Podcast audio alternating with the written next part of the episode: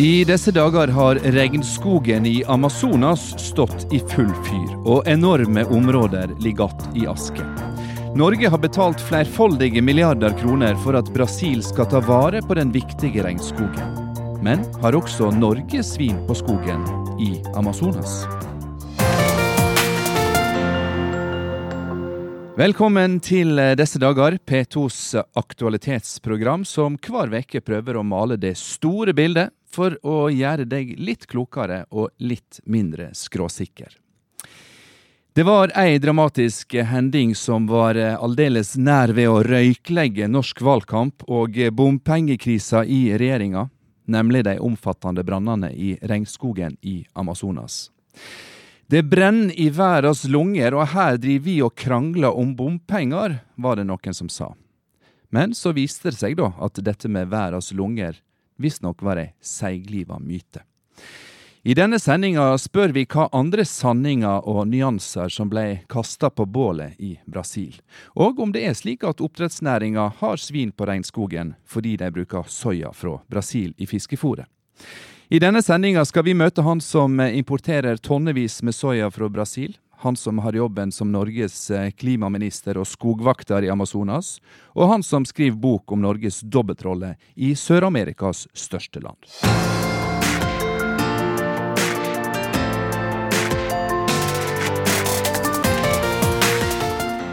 Men aller først, rett fra den rykende branntomta i Amazonas, dagens næringslivsjournalisten Eskil Engdahl, velkommen.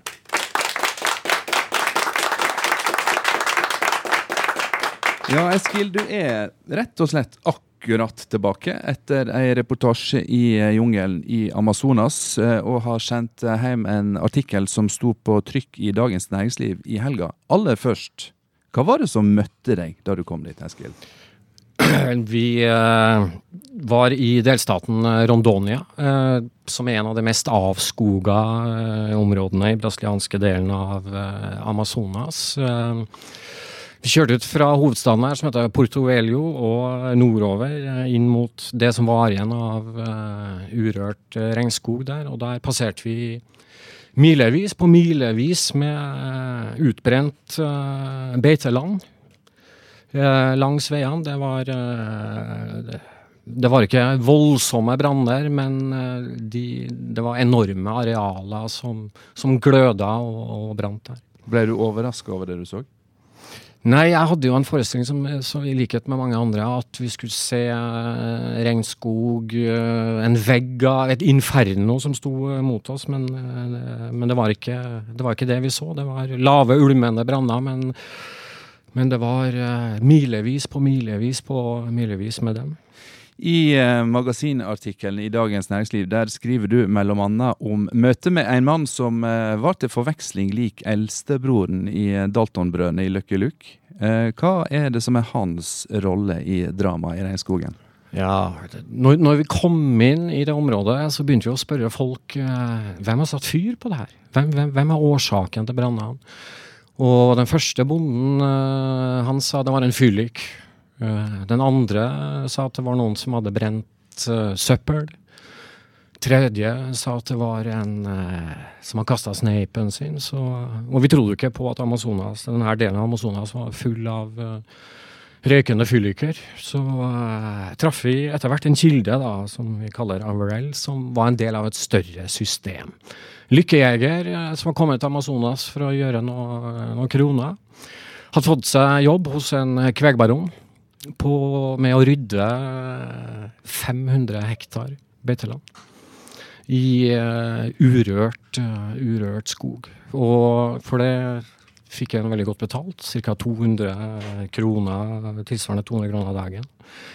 Uh, han var del av et, av et, organisert system. Det er en organisert operasjon hvor de hadde vakter ved, ved inngangen til, til, til, den skogen uh, du skulle rydde. De hadde kokker, bevæpna vakter. og så kom medias fokus på det her, og da måtte de legge ned den operasjonen til, til politi og brannvesen, og Hæren var ute av området. men de forberedte neste års branner. Så det kommer til å brenne neste år også. Han du eh, møtte der eh, var da på oppdrag for en kvegbaron, og eh, du skriver at i den brasilianske delen av Amazonas så beiter det 200 millioner kveg, og industrien genererer årlig 123 milliarder dollar. Nå har vi jo hørt mye om at det er dyrking av soyabønner som er problemet i regnskogen, men det er altså kvegdrifta som ødelegger regnskogen. Nå er jeg ikke ekspert på det, men, eh, men eh, de som er eksperter, hevder jo at uh, opptil 80 av, uh, av avskoginga er, er, kveg. Og det foregår på, på følgende måte at uh, noen tar beslag i Småbønder tar beslag i et uh, stykke land, så rydder de det for regnskog. Selger, selger jorda videre til kvegbønder, og etter en syklus på 15-20 år, så er ikke, er ikke jorda næringsrik nok til å, å, å, brukes til beiteland, og da kommer soyaen inn. Jeg leser i, uh, i artikkelen din at uh, det er bare skrevet ut en tredjedel så mange bøter som myndighetene gjorde i samme periode i fjor. Samtidig så har altså avskoginga økt dramatisk. Hvordan henger dette sammen? De statlige miljømyndighetene, eh, først og fremst eh, et organ som heter Ibama, eh, fikk redusert budsjettene sine med en fjerdedel etter at Bolsonaro tok over, tok over makta. Det gjelder også flere andre miljømyndigheter. Så det settes i sammenheng med, med, med altså det, er, det, er, mangel på, på, eh, utøvelse av makt overfor miljøsyndere i, i Amazonas. Du sa at du hadde venta å se et inferno i flammer, Eskil. Eh, og det hadde jeg òg forventa hvis jeg skulle dit. Fordi eh, mediene, sosiale medier var jo fulle av bilder med enorme vegger av eld. Men det så ikke du noe av? Vi så ingenting av det. Det, det, det. Jeg hadde kolleger som fløy innover eh, området, og det, og det fantes jo, eh, fantes jo altså regnskog som, som, som eh, brant også. Men det her var små ulmebranner. og Det var ingen tvil om at media viste frem, eh, viste frem bilder fra tidligere års eh, branner også fra andre, andre steder enn brasiliansk Amazonas. Og det gjorde også at uh, befolkninga i disse områdene eh, ikke var så glad i, i, i presten. For uh, dekninga av regnskogbrannene har vært omfattende, og bildene har altså florert i sosiale medier og andre medier. Og der har organisasjoner som jobber mot avskoginga, samla inn penger medan skogen har gått opp i røyk. Vi i disse dager har sjekka litt rundt og fått vite at Regnskogfondet i løpet av et par uker samla inn eh, drøye 11 millioner kroner i enkeltgaver. Verdens naturfond, WWF, har siden de starta kampanjen sin, fått inn i underkant av 1000 nye faddere, og Greenpeace har fått inn 620 000 kroner via sosiale medier og egne kanaler. Og Det er kanskje ikke rart at mange har bidratt med milde så dramatisk som dette har sett ut. Men eh, spørsmålet er altså om branninfernoet i Amazonas var helt slik som det ble framstilt. Vi tar inn Morten Langfelt Dalbakk, journalist i faktisk.no. Velkommen til deg, Morten. Takk, takk. Hver veke så sjekker du og redaksjonen din eh, påstander og utsegner i mediene, og undersøker om de er sanne. Og Det gjorde dere også med dekninga av eh, brannene i regnskogen. Aller først, Amazonas er ikke jordas lunger, skrev dere. Det, det, stemmer. Altså At Amazonas er jordens lunger, er jo en beskrivelse av den regnskogen som har versert i mange mange år. Eh, vi var ikke i stand til å finne ut hvor den egentlig kom fra. Eh, grunnlaget for det ser jo ut til å være at mange mener at Amazonas produserer en stor del av jordens oksygen, som, som for så vidt stemmer. Eh, problemet er at den også tar det tilbake igjen gjennom forskjellige naturlige prosesser. Sånn at den oksygenen som faktisk er i atmosfæren, kommer ikke fra Amazonas. Den har gått tilbake igjen der. Og så las vi også at det har vært rekordmange branner i Amazonas i år. Også det tilbakeviser dere? Ja, det, altså Rekord er jo et vanskelig ord å bruke. altså Hvor langt tilbake skal du se før du kan si at noe er en rekord eller ikke? Uh, men det vi fant, var at det har vært flere år siden 2003 hvor det har vært flere branner uh, i Amazonas enn det er i år. Altså fram til den perioden hvor det begynte å brenne i år. da.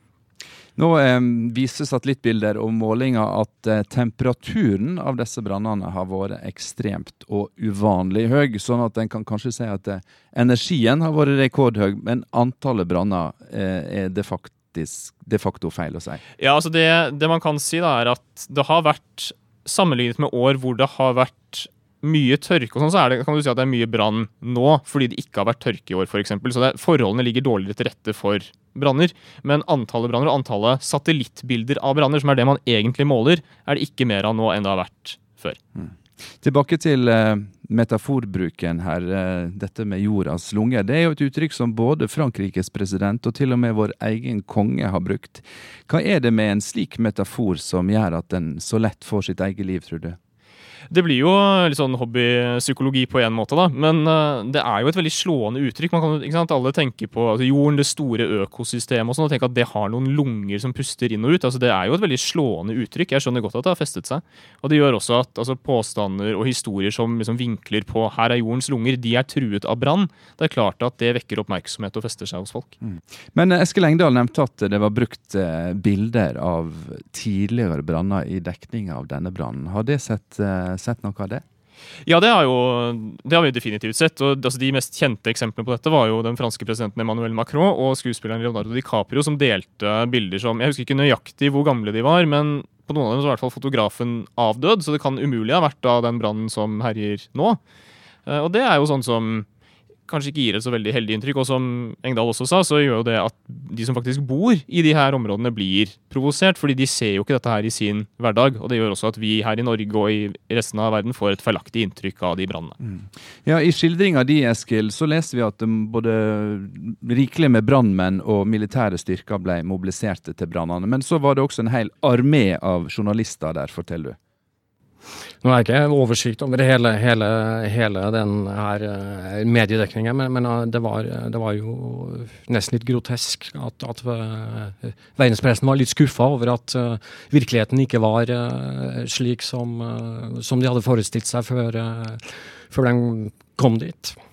Groteskt eller ei, eh, vi skal ikke underslå alvoret av brannene i Amazonas. Det er slett ingenting å undervurdere. Men det vi nå har hørt, er at fortellingene derifra ikke nødvendigvis var 100% korrekte. Det stemmer. og altså, Det er jo én ting å, å, snakke om rekorder, og sånn, det får ting til å høres kanskje større ut enn de er. Men på den annen side, så at noe ikke er en rekord, betyr jo ikke at det ikke er veldig alvorlig. Ikke sant? Altså Branner i Amazonas kan føre til mye større CO2-utslipp. Det slippes karbon ut av skogen når den brenner. Det kan også undergrave det biologiske mangfoldet i, i verden. Altså Amazonas har jo et enormt biologisk mangfold som blir truet av de her brannene. Så det er jo ikke sånn at dette ikke er alvorlig. Det er mer det at ordene og vinklingene og overskriftene og bildene som er brukt, gir et feilaktig inntrykk av et alvorlig problem. Og det er vel egentlig nesten verre. Takk skal dere ha, Morten Langfelt Dalbakk fra faktasjekkredaksjonen faktisk.no, og Eskil Engdahl, journalist i Dagens Næringsliv. Om ikke regnskogen i Amazonas er jordas lunger, så er det et område som er så viktig for klodens klima at Norge det siste drøye tiåret har brukt mange milliarder kroner på å bremse avskoginga. Har disse pengene også gått opp i røyk, spør vi snart Norges klimaminister og vår vakter i regnskogen.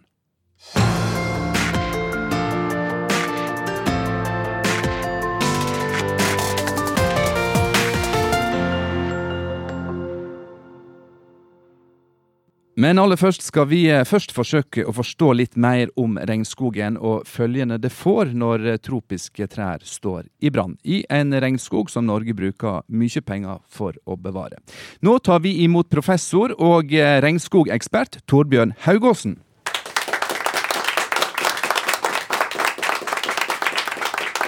Velkommen, Torbjørn. Du har en sånn lang tittel at jeg må bare ta den nå for å bli for å bli ferdig med den. Du er altså professor ved Fakultet for miljøvitenskap og naturforvaltning ved Norges miljø- og biovitenskapelig universitet på Ås i Akershus. Var det riktig? Det var riktig. vi, vi, skal eh, litt grann aller først tilbake til dette eh, litt feilaktige uttrykket 'jordas lunger'. Hvor kommer denne formuleringa fra? Det er noe som jeg har prøvd å finne ut av i mange år. Eh, men har ikke klart å komme til bunns i hva som er kilden til eh, akkurat det tallet.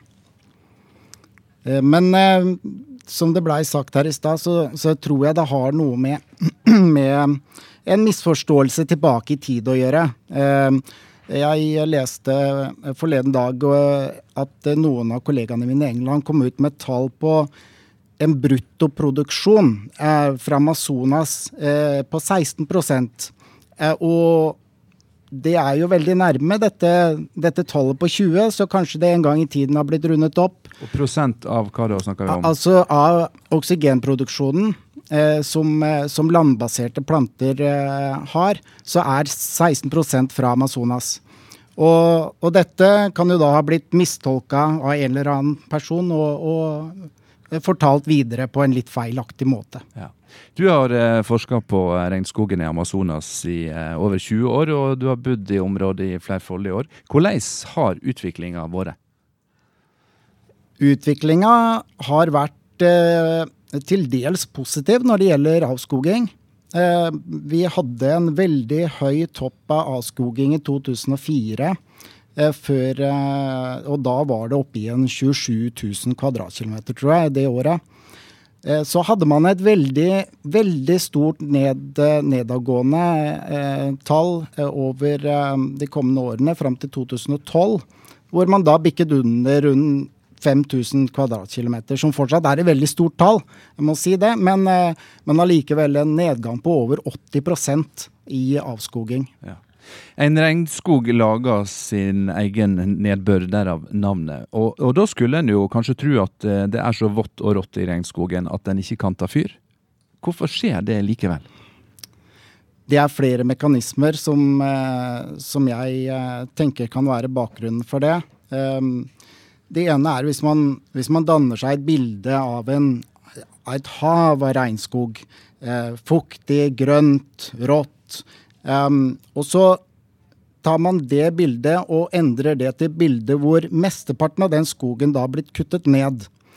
Og den eksisterende, den gjenværende regnskogen i det området bare eksisterer i um, en slags øyer i dette uh, nedhuggede området, så, så, vil den gjenværende skogen være mye tørrere enn det den normalt er når den er uh, sammenhengende over store områder. Og dermed har branner da veldig eh, enklere eh, for å komme inn, rømme fra nærliggende jordbruk og, og komme inn i en slik skog.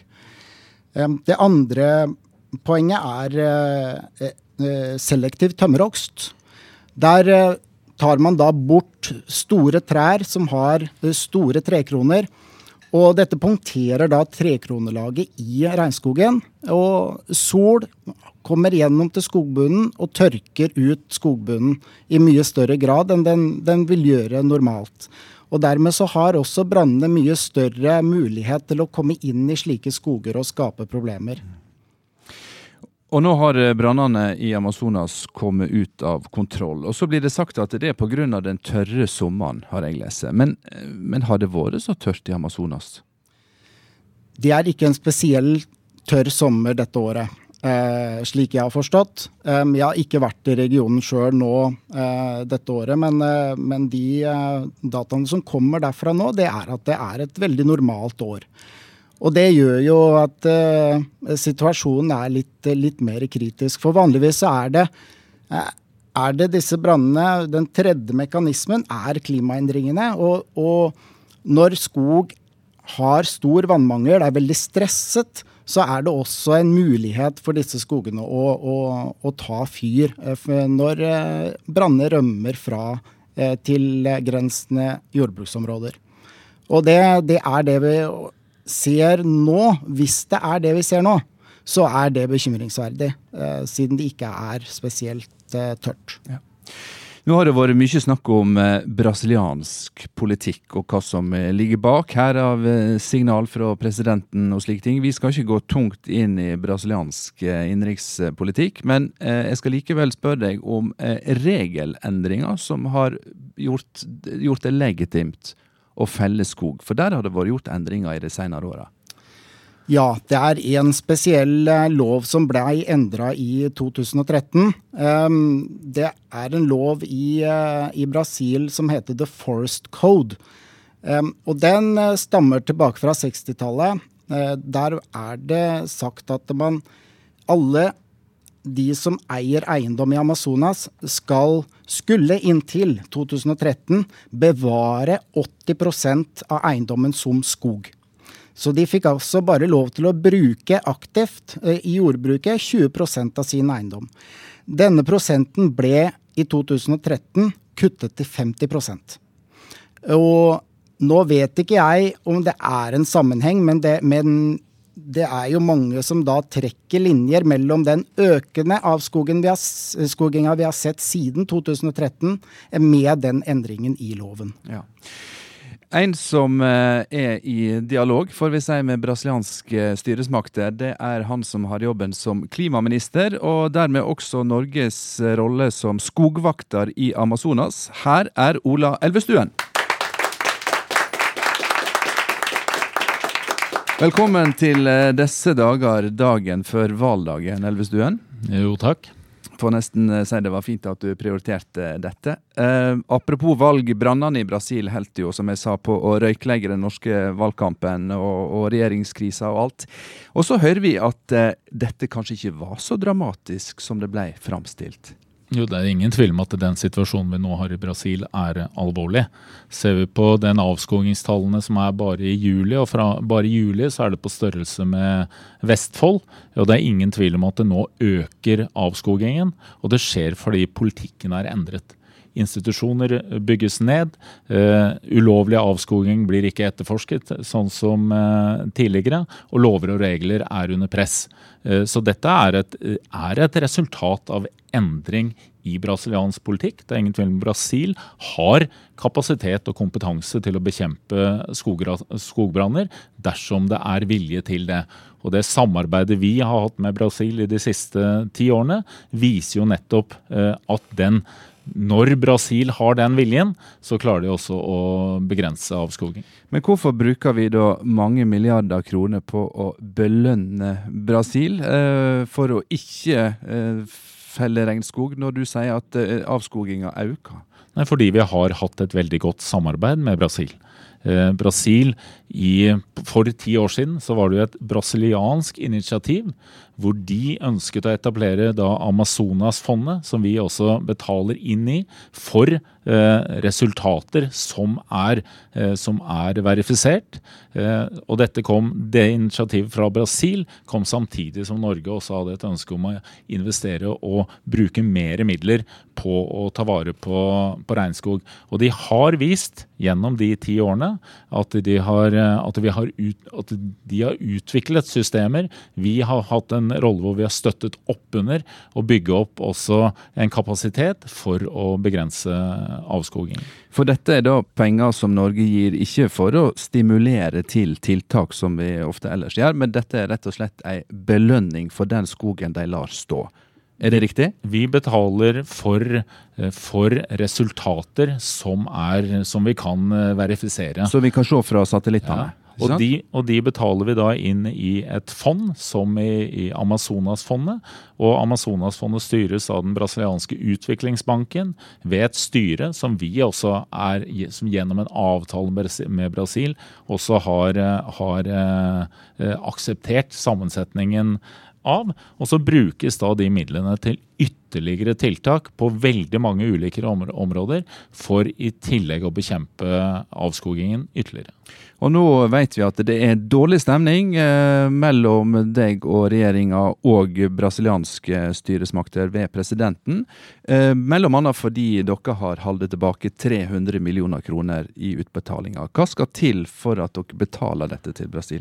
Nei, Det som har skjedd, er at Brasil har brutt med avtalen med Norge gjennom at de har nedlagt styret i Amazonasfondet. De har også nedlagt den tekniske komiteen, som, som, jo ser nettopp på om disse tallene, avskogingstallene stemmer. Og Dermed så er det ikke noe sted hvor vi kan betale inn de midlene som vi i utgangspunktet ville gjøre, 300 millioner kroner i år, for resultater.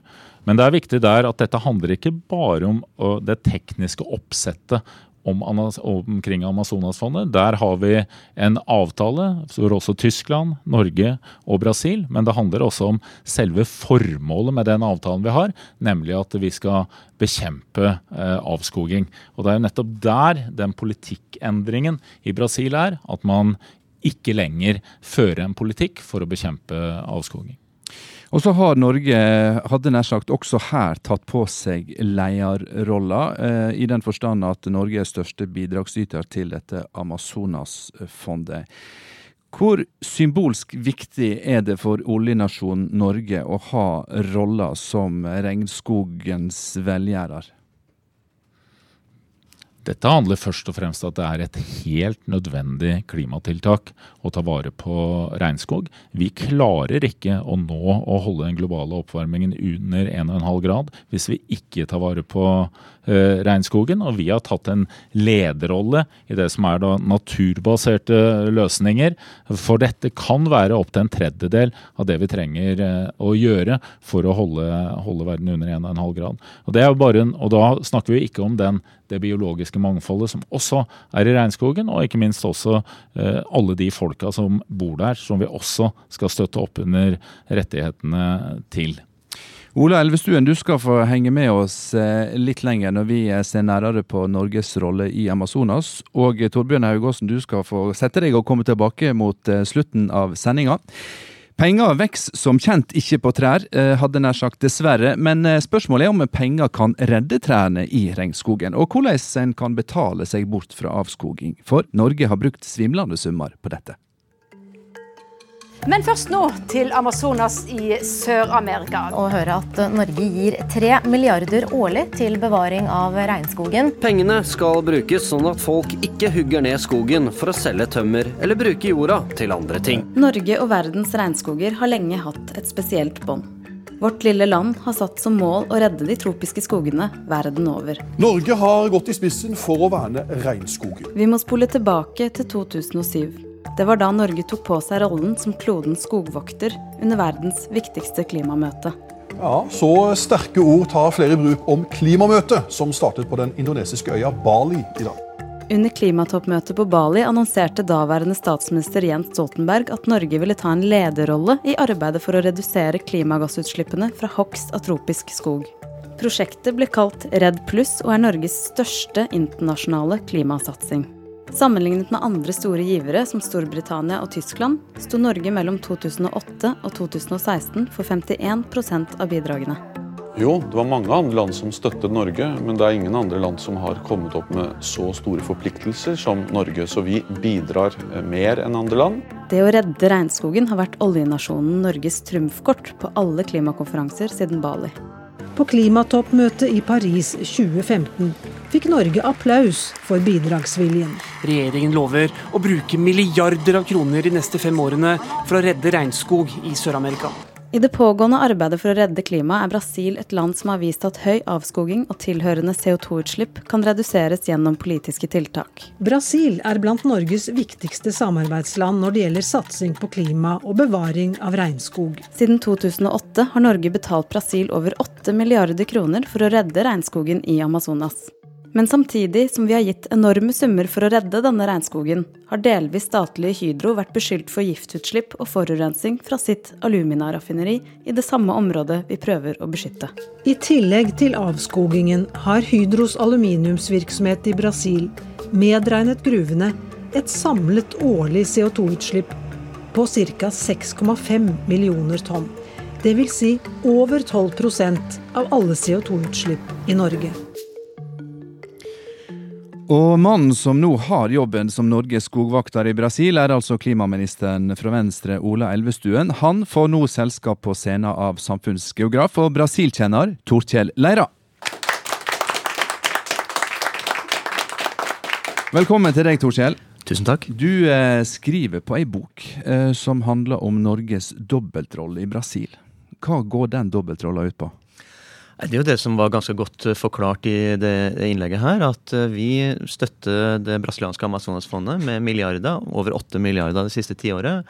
Men samtidig så bruker jo AS Norge, hvis man ser på statlige og private aktører, mye mer penger, i hvert fall fem til ti ganger så mye penger i Amazonas på næringer og selskaper og import, som som bidrar til å ødelegge den samme regnskogen. Så Norge står i en spagat i Amazonas. Hva industri og næringsliv er det vi bruker penger på som eh, bidrar til å ødelegge regnskogen? Nei, Det største pengene det er jo Norsk Hydro, som ble nevnt her. I 2010-2011 eh, så brukte de 30 milliarder norske kroner på å kjøpe opp en eh, svær aluminiumskjede fra brasilianske Vale. Og de har investert mer i det siden det. Men ellers er også, ellers er også Yara, kunstgjødselprodusent, er jo en av, største, en av sine største utenlandsoperasjoner i Brasil. Og det er mange andre norske selskaper som er stor, stor i Brasil, og også i Amazonas. Nå skal det bare sies at vi har invitert eh, Hydro hit. Eh, de hadde ikke høve til å stille. Yara er heller ikke her, så vi skal ikke gå langt inn i å problematisere deres rolle. Vi skal spørre Ola Elvestuen. Det Leira snakker om her, høres jo ut som en eh, hva skal jeg si, en norsk dobbeltmoral, som andre har pekt på før når det gjelder norsk virksomhet i utlandet? Dette er jo grunnen til at den regnskogsatsingen som vi har, den basis for den er et samarbeid mellom land og en enighet mellom land. Og det er klart at Vi er avhengig av i vår støtte at vi har enten det er Brasil, eller det er Indonesia, eller det er Colombia eller andre land vi samarbeider med, at det er et samarbeid med en regjering som ønsker å begrense avskoging. For det er jo politikken og initiativene i Brasil, eller Colombia eller Indonesia som er det viktigste for å ta vare på skogen. Vår rolle er å støtte opp under det arbeidet basert på de avtalene som vi har. Da er det, for, da det todelt. Det er å, bygge kapasitet. Vi har jo mange støtteordninger innenfor sivilsamfunn og annet. Og når vi når et punkt hvor vi kan bekrefte at avskogen går ned, så går vi over i de automatiske utbetalingene, og da inn i fond, som så ytterligere skal forsterke arbeidet. Men nå er vi i en arbeidet. motsatt situasjon, at avskoginga går opp. Eh, spørsmålet er jo om Leira har rett i at vi har en dobbeltrolle i eh, Brasil? Da, nå, problemet nå er jo at Brasil har brutt den avtalen, fører ikke en politikk for å ivareta regnskogen på samme måte lenger. og Da må vi se på andre måter som vi kan påvirke den situasjonen på. Men det er klart at du har eh, økonomisk aktivitet og samhandling med Brasil, akkurat som vi har med Indonesia og også andre land som vi samarbeider eh, med. Leira? Nei, Det som Norge gjør, det samarbeidet Norge har med Brasil om Amazonasfondet, er jo ypperlig. Det har hatt gode resultater. Og Norge har også støtta brasilianske statlige organer, brasilianske miljøorganisasjoner og brasilianske urfolksorganisasjoner. Og i tiår før det. Så det er bra. Eh, egentlig er det jo statsråd Torbjørn Røe Isaksen som burde ha svart på det spørsmålet ditt. Det er jo han som har ansvaret for næringspolitikken. Eh, men eh, det er jo dessverre Ola Elvestuen som ofte får den eh, poteten i fanget. Men, eh, men, jeg mener det at ja, Norge har en dobbeltrolle her. Skal, men, så, men, litt av løsninga på det er at vi må gjøre mer av det gode.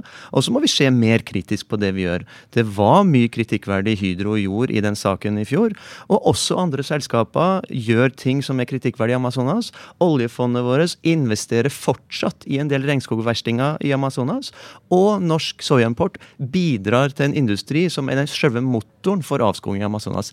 Det er liksom den mørke mørke sida av Norges regnskogsinnsats, tenker jeg. Så ja, diskusjonen skal vi ta litt seinere i sendinga. Nå skal jeg bare si to ting. Det ene er at vi har invitert næringsminister Torbjørn Røe Isaksen hit. Han hadde ikke høve til å stille. Og når vi snakker om Hydro, så er altså bakgrunnen den at uh, at de ble skylda for forurensning etter lekkasjer fra et uh, deponi. Og det førte til at brasilianske myndigheter beordra halv fart på anlegget til Hydro, men har nå signalisert at de kan få starte opp igjen snart med full drift.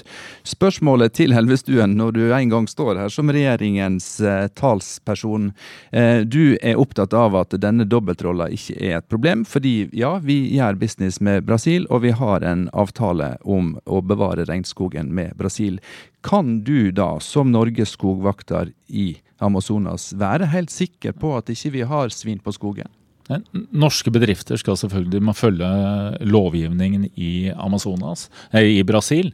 Og så er det selvfølgelig sånn at vi må legge til grunn at eh, både våre bedrifter og andre alltid også tar både klima og andre miljøhensyn. Og så jobber vi også via Skoginitiativet og vår kamp mot avskoging, så jobber vi også med noen av de største importørene av uh, mat og råvarer fra skogland for at de også skal, skal begrense eh, sin Eller at de også skal sørge for at deres verdikjeder er avskogingsfrie. Så, så i det regnskoginnsatsen fra Norge, så er det jo mange ulike initiativ vi har for å, å, påvirke situasjonen i de landene vi har godt samarbeid med, men også i land hvor vi ikke har et godt samarbeid. Ja, Du hører Ola Elvestuen, klimaministeren, i disse dager på NRK P2, som nett nå diskuterer Norges rolle i Brasil, sammen med samfunnsgeografen og brasilkjenneren Torkjell Leira. Og du holder fast på at Norge burde gjøre mer, i tillegg til å belønne Brasil med penger for å verne regnskogen. Hva handler det konkret om? Nei, Vi må fortsette samarbeidet med Amazonasfondet. Eh, klart nå, eh, I den situasjonen nå, når, når, Brasils regjering under president Bolsonaro eh, jobber tvert imot intensjonene mot Amazonasfondet, så må vi finne andre måter å gjøre det på. og Det vet jeg at norske myndigheter holder på med. Men så gjelder liksom våre, egen, egne selskaper, vårt eget oljefond. Eh, der må, mener jeg, der må Norge gjøre mer og, og, når det gjelder regjeringa, så er det næringsminister eh, Torbjørn Isaksen, Isaksen som må gjøre mer og stille enda strengere krav til hvordan norsk næringsliv oppfører seg i, i Amazonas. Han kunne gjort det enda tydeligere rundt den uh, utslippssaken til Hydro i fjor. Han valgte å ikke gjøre det. Han kunne gjort det også nå når vi har hatt en debatt om EFTA-Mercosur-avtalen, som nettopp har blitt sluttført. Den kunne man brukt til å i det minste røsle litt med sablene. Så man velger altså å være veldig passiv. Der burde man gjort eh, på politisk hold litt mer som Frankrike og Irland gjorde, og faktisk si at her er det mulig vi ikke ratifiserer avtalen hvis Brasil ikke oppfyller sine Paris-forpliktelser. Ja, Regjeringa fikk altså tilsnakk fordi at den signerte en handelsavtale med Brasil, mens vi satt og så på bilder av brennende regnskog. Ola Elvestuen, hadde det vært mulig for Norge å legge større press på Brasil, eller er vi avhengig av at de er i god lune? Ja, nå er det viktig at dette er en handelsavtale også med Paraguay, Uruguay og Argentina, og ikke bare Brasil. Og avtalen i seg selv har jo det innholdet som vi trenger, både med referanse til eh, Parisavtalen, ta vare på regnskog, og også bærekraftig landbruk, som er, som er, et nytt element i denne type eh, handelsavtaler. Eh, det som nå er diskusjonen, er jo Nå er jo vi litt der EU også er, som jo nettopp også inngikk sin eh, avtale i sommer, og er, en, og er en situasjon hvor de skal ratifisere eller godkjenne denne avtalen. Når vi har den, så må vi jo forvente at de som både vi som har skrevet under, og alle de andre som har, som har blitt enig i den, også etterfølger da det som er formålet med avtalen, og de formuleringene som ligger, eh, ligger der. Torkjell Eira, til slutt. Det er dårlig stemning mellom Norge og Brasil her. Har Norge i hele tatt noe slags eh, pressmiddel for å få brasilianerne til å hogge mindre regnskog? Norge og Brasil har hatt et veldig godt regnskogsamarbeid i mange tiår. Og med støtten til Amazonasfondet så er jo Norge på en måte en sånn regnskogstormakt i Amazonas og i verden. Så at Norge har en større rolle enn det vi liksom ellers skulle gjort med som fem millioner innbyggere. Men jeg tenker at det, det, det, største, det viktigste og tyngste instrumentet man hadde, det var handelsavtalen EFTA-Mercosur. Den valgte man å ikke bruke i den situasjonen her. Men nå skal vi samtidig huske på at det her må vi jo tenke lenger enn hva som skjer akkurat i august og september 2019. Det har holdt på i mange tiår. Det skal fortsatt i mange tiår.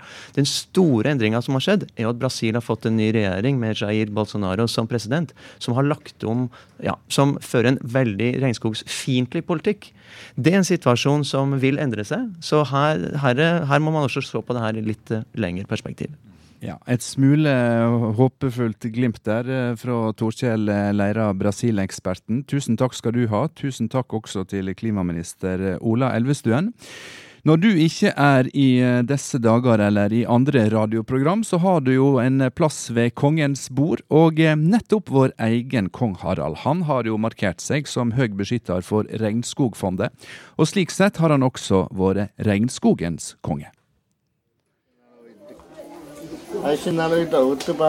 Hva tenker eh, kongen om eh, situasjonen for regnskogen i dag i verden? Nei, det er jo lite igjen av den. Mm. Og de lungene som står igjen, det er jo indianerreservatene. Mm. Så de tar vare på, på regnskogen sin. Mm. Og Hvordan har det vært å sove i hengekøye? Kjempefint. er det første gang i, i, i livet? Ja, egentlig er det vel det. Ja. Uh, har vel prøvd så vidt sånn på badestranden og sånn, men uh, det blir jo ikke helt det samme. Ja. Men det er helt fint, det. Uh, ikke noe problem. Ja, det var eh, Hans Majestet Kongen. Han er jo ikke kjent for å ligge på latsida, men han debuterte altså i hengekøye i regnskogen i 2013, invitert til Amazonas av Regnskogfondet. Her er generalsekretæren i Regnskogfondet, Øyvind Eggen, og kommunikasjonssjefen i fiskefòrprodusenten Skretting. Ja, du eh, som hører på radioen på disse dager i NRK P2, har eh, fått med deg at vårt utgangspunkt for denne sendinga er de omfattende brannene i regnskogen i Amazonas, og vi har stilt spørsmålet om Norge har svin på regnskogen. For å komme nærmere det svaret, så skal vi nå snakke om eh, det som blir kalla for havets gris nemlig oppdrettslaksen. For eh, onde tunger omtaler laksen sånn fordi fôret den får, inneholder en del av det samme som kraftfôret som gris, kylling og storfe får. Da går første spørsmålet til deg, Leiv Kjetil Skjævland, eh, sjefen for samfunnskontakt i Skretting. Eh, hvorfor har norsk oppdrettslaks blitt vegetarianer? Det er fordi at eh, hvis du skal lage fiskefôr, så er det veldig enkelt hvis du bare tar fisk og maler det opp og gir til laksen, fordi laksen er et rovdyr. Men med så mye fisk som vi produserer i Norge i dag, så er det ikke sjans å bruke eh, fisk som er fiska fra havet, til å produsere det. Og vi så for 20 år siden at vi er nødt til å finne et alternativ. Og hva gjør du da eh, for et rovdyr som laksen er, og klarer å finne noe annet? Og da ble alternativet soyabønner, eh, dvs. Si ekstrakt fra soya. Hva er det som at som gjør det så godt egnet til laksefôr? Ja, dette er jo et fantastisk produkt som egner ikke bare til laksefôr, men både til svin og til storfe og kylling. Og det er fordi soya er så enormt rikt på protein. Og det er det som også er bra for vegetarianere, at soya er et glimrende alternativ når du trenger protein. Og så Det vi så, det var det at her er det en råvare som dyrkes i enorme mengder i verden, og som laksen klarer å spise og fordøye og vokse godt på, og som var et alternativ til, de, eh, til villfisk, og som var sårbare marine ressurser. Fordi at Havet har ikke sjans å klare å beskattes mer hvis vi skal produsere så mye fisk som det vi gjør nå. Og En fjerdedel av fôret som eh, giganten Skretting lager, er av soya. Og der ligger en del av problemet i regnskogen i Amazonas, sier du Øyvind Eggen, generalsekretær i Regnskogfondet. Hva er det med soyadyrking og regnskog som ikke går så godt i hop? Mm. Altså, det er jo landbruksindustrien som er det store problemet i ødeleggelsen av regnskogen i Brasil. Eh, og det, Den driver stort sett med soya og med kvegedrift. Eh, begge de to eh, industriene er virkelig selve hovedproblemet her. Og med at vi, altså Norge, kjøper en god del av soyaen, så blir man da en del av det problemet som nå ødelegger Amazonas. Eh, og så kan du si, for det er riktig sagt at den soyaen som brukes i Norge i norsk oppdrett, den er mest sannsynlig ikke fra avskogede områder. Men like fullt så bidrar den til den etterspørselen som driver fram ødeleggelsen nå. Ok, sånn at eh, Skretting, dere sier jo at uh, soyaen vi importerer, den er sertifisert, godkjent, stempla.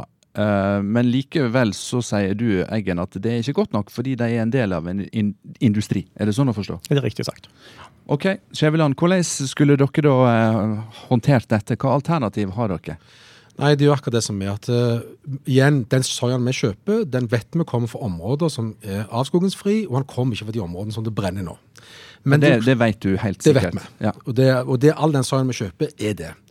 Men problemet vårt er jo det at uh, selv om vi sånn sett uh, kjøper lite soya fra Brasil i forhold til Kina og andre land, så vil det si at når vi kjøper noe, så er vi med på å opprettholde etterspørselen til soya, som gjør at en kan få i enkelte områder dyrke dette. Så vi er en del av problemet, for vi har et indirekte ansvar, og det ser vi. Så hva gjør vi da? Eh, hvis vi skal si som, som enkelte har sagt, at da skal vi bare boikotte soya, bare få det ut, det er ikke mulig. Eh, da må vi slutte å produsere så mye fisk som det vi tar oss og gjør. Uh, og, og, det er ikke sjans å erstatte det med villfisk. Men vi jobber for det. Men det er så mye soya vi snakker om her, at det, det er ikke sjans i dag uh, til å erstatte det med noe annet. Men vi jobber med å prøve å bruke insektmel som vi tar i bruk. Vi jobber med å bruke rødåte på det. Vi bruker mikroalger for dette biten her. Men det er så store mengder, fordi at vi produserer tross alt 14 millioner laksemåltider hver dag, at det ikke er sjans å bytte det ut over natta. Eggen, burde skretting eh, rett og slett slutte å importere soya fra Brasil og gå andre plasser, er det det du sier? Eh, altså, hadde vi snakk, vært her for tre-fire uker siden, så ville jeg sagt at det skrettingen burde gjort, var å gjøre seg stadig mindre avhengig av soya fra Brasil ved å erstatte det hverandre andre områder. Samtidig burde de vært mye tøffere på sine leverandører. For selv om de får soya som er avskogingsfri, så er noen av deres leverandører involvert i, i, i industrien som ødeleggende. Men mener du Men, noe annet i dag? Ja, jeg mener noe annet i dag. Fordi at etter det som har skjedd de siste to-tre ukene i verdenssamfunnet, og med tanke på verdens oppmerksomhet om avskogingen, så har mye endra seg. Eh, det vi har sett, er at verden har retta sine øyne mot Brasil.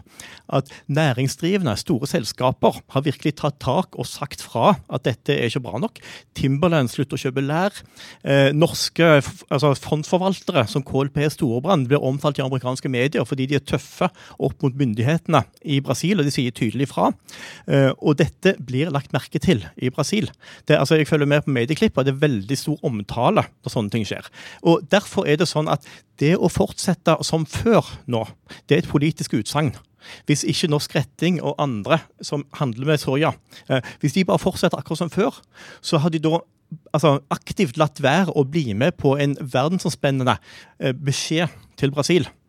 Og Derfor har ting endret seg nå. Dette er politikk i enda større grad enn det var før. Ja.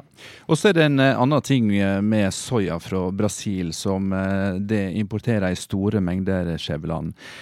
Den det importerer er sertifisert, slik som 80% av all soya til Norge er.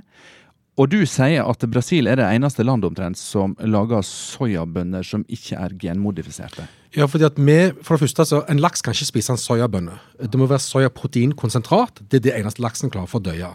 Og I tillegg så har vi et krav her i Europa og Norge om at det må være, altså det må være soya som ikke er genmodifisert.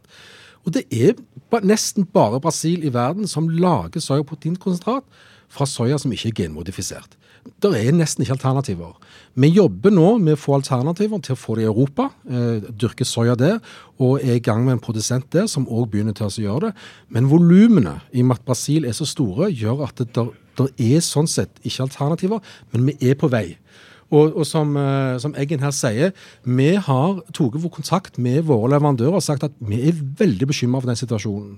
For at Selv om vi kjøper den såkalt snille soyaen, som kommer fra områder som, som er vanlige jordbruksområder, som ikke er det, så, så, ser vi at problemet er nå at soya, i denne her debatten som er svart-hvitt med alle disse bildene som ikke stemmer, så risikerer vi at soya får et så dårlig omdømme at folk vil ikke ha laks. Folk vil ikke ha kylling som har fått soya. Hvis soya der blir et paria, så har vi et problem. Det sier vi til våre leverandører at nå må dere passe på. Øyvind Eggen, eh, disse sertifiseringsordningene som Skretting og andre lener seg på, kan en stole på de papirene? At de er verdt mer enn eh, papiret de er stempla på? Eh, problemet med de ordningene er at det er veldig lite gjennomsiktig. Sånn at det er nesten umulig for en tredjepart eller for noen som oss å egentlig verifisere det. Men hovedproblemet ligger egentlig ikke der. Problemet ligger i at all etterspørsel etter soya, enten den er sertifisert eller ikke, bidrar til problemet med ekspansjonen inn i regnskogområdene. Og så har vi ei laksenæring her som, eh, som Skretting sier at eh, det er, finnes ikke noe annet alternativ med det volumet vi produserer i dag enn soya. Er, er, det det også en del av problemet, da? Nei, altså, jeg eh, bare, altså, Vi har jo hatt kontakt med alt som kan krype og gå i oppdrettsnæringen i Norge de siste to ukene. Og jeg har fått høre flere at det altså, det er enklere å finne andre kilder til fôr enn det noen gir inntrykk av. Så jeg tror rett og slett at det problemet er ikke så stort. Men det viktigste nå på kort sikt er å gi et tydelig signal til Brasil, altså sånn som Skretting sier at det gjør. Eh, det er viktig å se nå at altså, kampen om regnskogen i Brasil den pågår i Brasil. Den pågår altså i politikk, i media, altså i lunsjpauser og i drosjer. Eh, og man ser veldig mye til hva man mener i utlandet. Man ser mye til Norge, for Norge har denne altså mangedobbelte rollen sin. Sånne signaler som kommer fra Norge, vil kunne bidra til å dytte litt på det som skjer nå i Brasil. Og Hvis man da sier tydelig fra om at det blir altså, eks, altså videre eksport til Norge av soya vil bryte sammen hvis man ikke endrer kurs, da vil det være tydelig signal som bør gis. Og Dette handler om kommunikasjon og politikk, ikke bare om hvor mange tonn du kjøper soya. Helt riktig, og det er sjanse å erstatte deler av det, og det gjør vi. Skretning har bestemt at vi skal ikke kjøpe mer soya, men jeg snakker om å erstatte alt. Altså en boikott, en sånn total utfasing. Da har vi et enormt problem. Det slår meg at det er kanskje feil mann som står der, fordi du lever jo av å levere fôr til eh, oppdrettsnæringa, men det burde kanskje stå en eh, oppdrettsmilliardær her og snakke om eh, lakseoppdretten som trenger store mengder soya? Egentlig ikke, fordi at det er Skretting sitt ansvar som fôrprodusent å finne ut hva andre alternativ kan laksen spise på. Hva kan vi gjøre med insektmel? Så det er vår jobb. Men vi trenger at havbrukerne oppdretterne er villige til å være med, for alternativene kommer til å bli dyrere. Og Da må de være med å betale for dette, og vi skal gjøre vårt. Men så er det jo en gigant i næringen som heter Movi, som har sagt tydelig fra, har, altså, som har sagt tydelig fra at de vil altså, stanse med import av soya fra, altså med kjøpe soya fra Brasil hvis ikke ting endrer seg. Det har blitt lagt merke til. altså Det blir omtalt mye i Brasil, i amerikanske medier. Sånt blir lagt merke til den type kommunikasjon man da må drive nå. Takk skal dere ha, begge to. Eh, Øyvind Eggen fra Regnskogfondet og Leif Kjetil Skjævland fra eh, fiskefòrprodusenten eh, Skretting. Det er lite som tyder på at det blir dyrka mindre soya i regnskogen i Brasil i framtida, eller at vi har sett den siste storbrannen i Amazonas. Spørsmålet er om den viktige skogen vil klare seg, eller om det faktisk er fare for at vi kan ødelegge verdens mest berømte og viktigste skogbelte. Vi har tatt opp igjen på scenen professor Torbjørn Haugåsen. La oss nå prøve å samle trådene litt, Torbjørn, og se inn i framtida.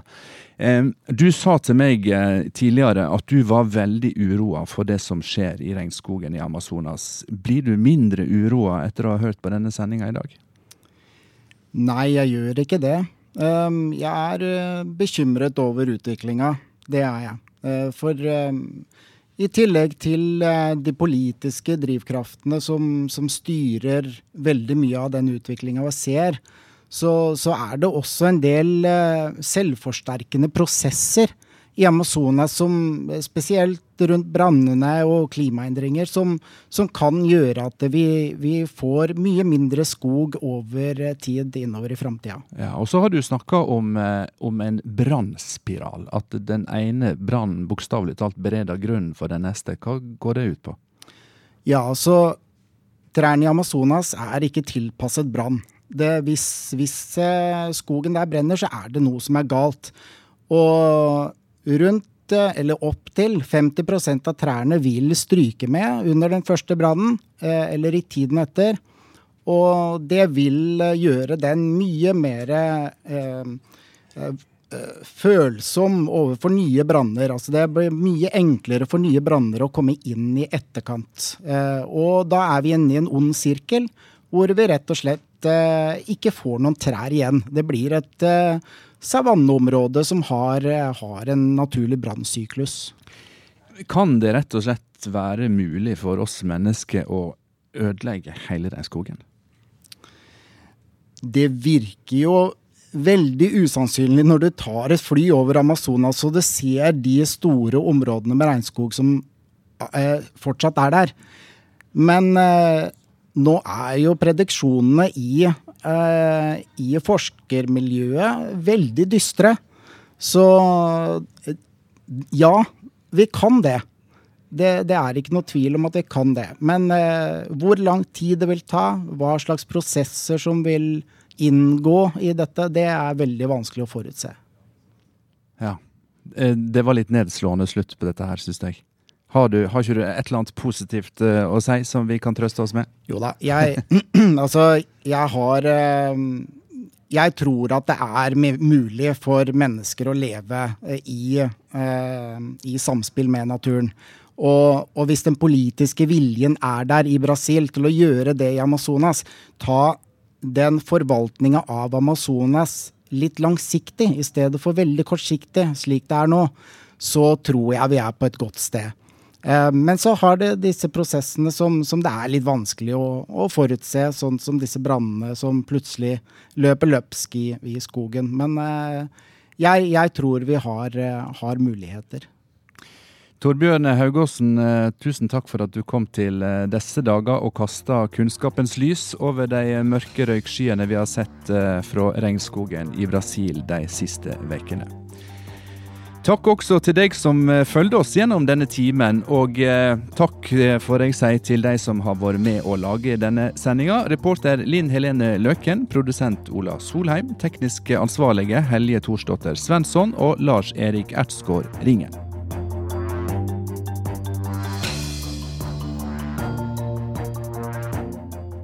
Jeg heter Håkon Haugsbø og minner om at du kan høre oss også som podkast, og du kan sende oss en e-post med tips og innspill til disse dager, krøllalfa, nrk.no. Ha det godt til neste gang.